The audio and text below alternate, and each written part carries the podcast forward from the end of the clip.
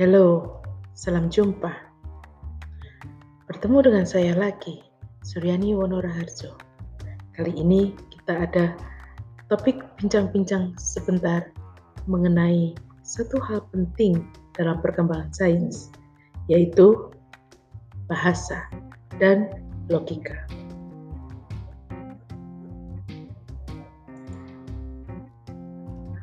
Pemirsa, apakah kita pernah bertanya, sebetulnya bahasa itu apa?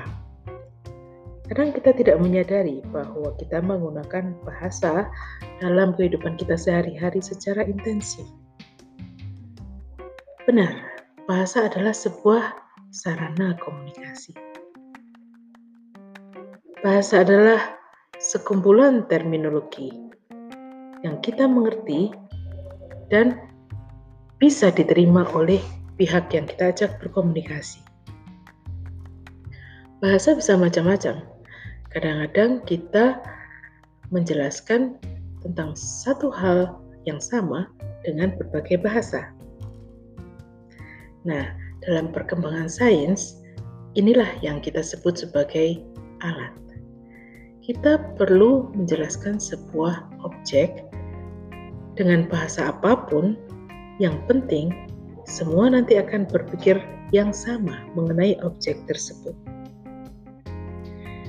Jadi, dalam sains ada dua hal yang perlu kita pegang, yaitu apa? Ada objek atau fakta, dan juga ada analisis. Semuanya membutuhkan peran bahasa dalam menyampaikannya kepada orang lain. Tapi fakta dan analisis atau terutama fakta atau objeknya itu tidak berubah. Analisis dalam sains seharusnya juga tidak berubah. Artinya, yang melakukan analisis tidak boleh memasukkan subjektivitas dalam menjelaskan objek tersebut. Nah, ini yang menyebabkan banyak eh, analisis yang ilmiah itu biasanya tidak menimbulkan masalah. Masalah akan timbul jika subjektivitas mulai masuk. Nah, kemudian apa sih sebetulnya fungsi bahasa dalam perkembangan sains? Tentu kita tidak bisa mengatakan bahasa itu adalah fungsi emosi atau fungsi afeksi. Itu sesuatu yang berkaitan dengan subjektivitas. Namun, kita masih bisa menggunakan bahasa untuk fungsi ekspresi. Ekspresi gen gitu misalnya.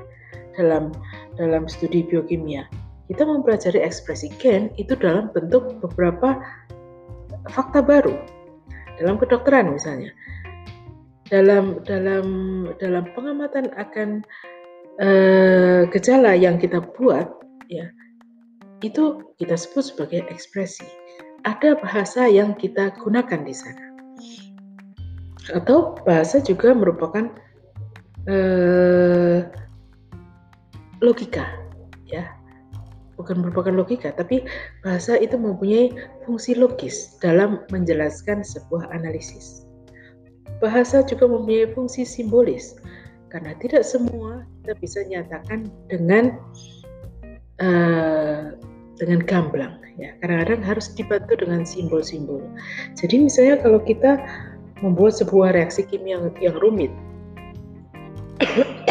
reaksi kimia yang rumit dengan simbol-simbol atom simbol-simbol senyawa simbol-simbol fase ya itu kita gunakan supaya kita bisa meringkas penjelasan dan tidak menimbulkan bias. Kenapa? Itu bisa dikatakan dengan bahasa biasa, tapi tapi kalau diberikan dalam satu kalimat saja, sebuah persamaan reaksi itu sudah bisa mewakili ratusan bahkan ribuan kata-kata. Nah, seperti itu efektif.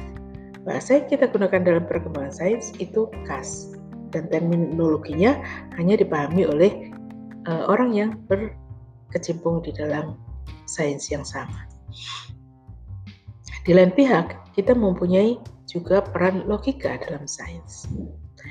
Pralogika ini berkaitan dengan kegiatan manusia menalar terhadap sebuah objek. Ya. Dan itu memerlukan pemahaman yang cukup.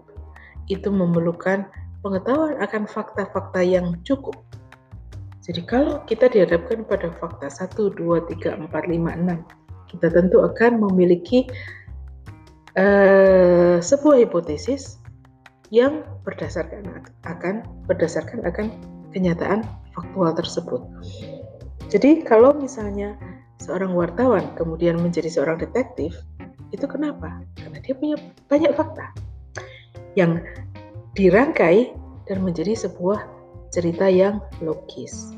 Logika itu penting sekali dalam sains. Tidak mungkin kita tidak mungkin kita meninggalkan logika dalam menganalisis fakta-fakta. Nah, logika ini pun diekspresikan dengan berbagai pernyataan dan simbol-simbol. Jadi bahasa dan logika itu alat ya, tools dalam perkembangan sains. Kita bisa mencari banyak sekali contoh di mana kita bisa menggunakan bahasa yang khusus untuk mengembangkan sebuah bidang ilmu dengan sangat cepat. Taruhlah dalam sebuah komunikasi ilmiah seseorang akan menyampaikan fakta. Fakta, fakta, fakta. Kemudian fakta-fakta tersebut dibahas dalam kacamata ilmunya. Jadi kajiannya sangat spesifik. Lalu tentu saja perlu bahasa yang spesifik pula. Ini bukan bahasa baru. Jadi misalnya dalam uh, dunia IT, gitu, informasi dan teknologi, itu ada coding-coding tertentu, ada bahasa Java, ada bahasa C, C language, Python. Nah, dahulu banyak juga dalam sejarahnya perbahasaan dalam dunia IT itu juga mengalami perkembangan yang luar biasa banyaknya. Ada berbagai versi. Kalau paling uh, ada kalau bahasanya terlalu rumit, ada yang lebih sederhana, ada yang lebih disukai. Ada program-program yang uh, dulu menjalankan berbagai hal besar-besar, tapi sekarang itu digantikan oleh bahasa yang lebih sederhana tapi jalan juga. Pendekatan itu macam-macam. Kita akan tenggelam di sebuah dunia dengan bahasa baru. Dengan coding, decoding, dan encodingnya terserah kepada yang punya ilmu.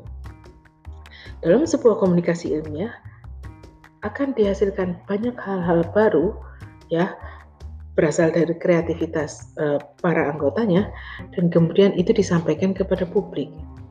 Jadilah kita sekarang sebetulnya mempunyai ilmu yang banyak sekali yang kita tidak bisa kuasai semuanya ya nanti kita gila kalau kita ingin tahu semuanya dan kita bisa memikirkan bahwa andil orang per orang ya satu demi satu ilmuwan dalam lingkup masing-masing itu sangat membantu perkembangan ilmunya. Dan di situlah posisi ilmuwan di seluruh dunia. Mahasiswa yang yang akan memulai karirnya sebagai ilmuwan atau setiap pribadi yang concern terhadap perkembangan ilmu akan membantu mengembangkan ilmu. Baik disadari maupun tidak. Jadi, jelas kiranya kalau kita memandang bahasa dan logika itu sangat penting dalam perkembangan ilmu.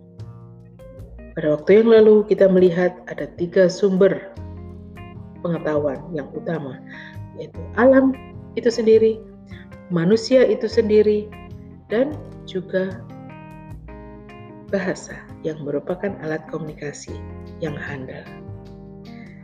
Demikian pembicaraan kita kali ini kita akan sambung lagi dalam beberapa kasus yang lebih spesifik di kesempatan yang akan datang. Terima kasih dan sampai jumpa.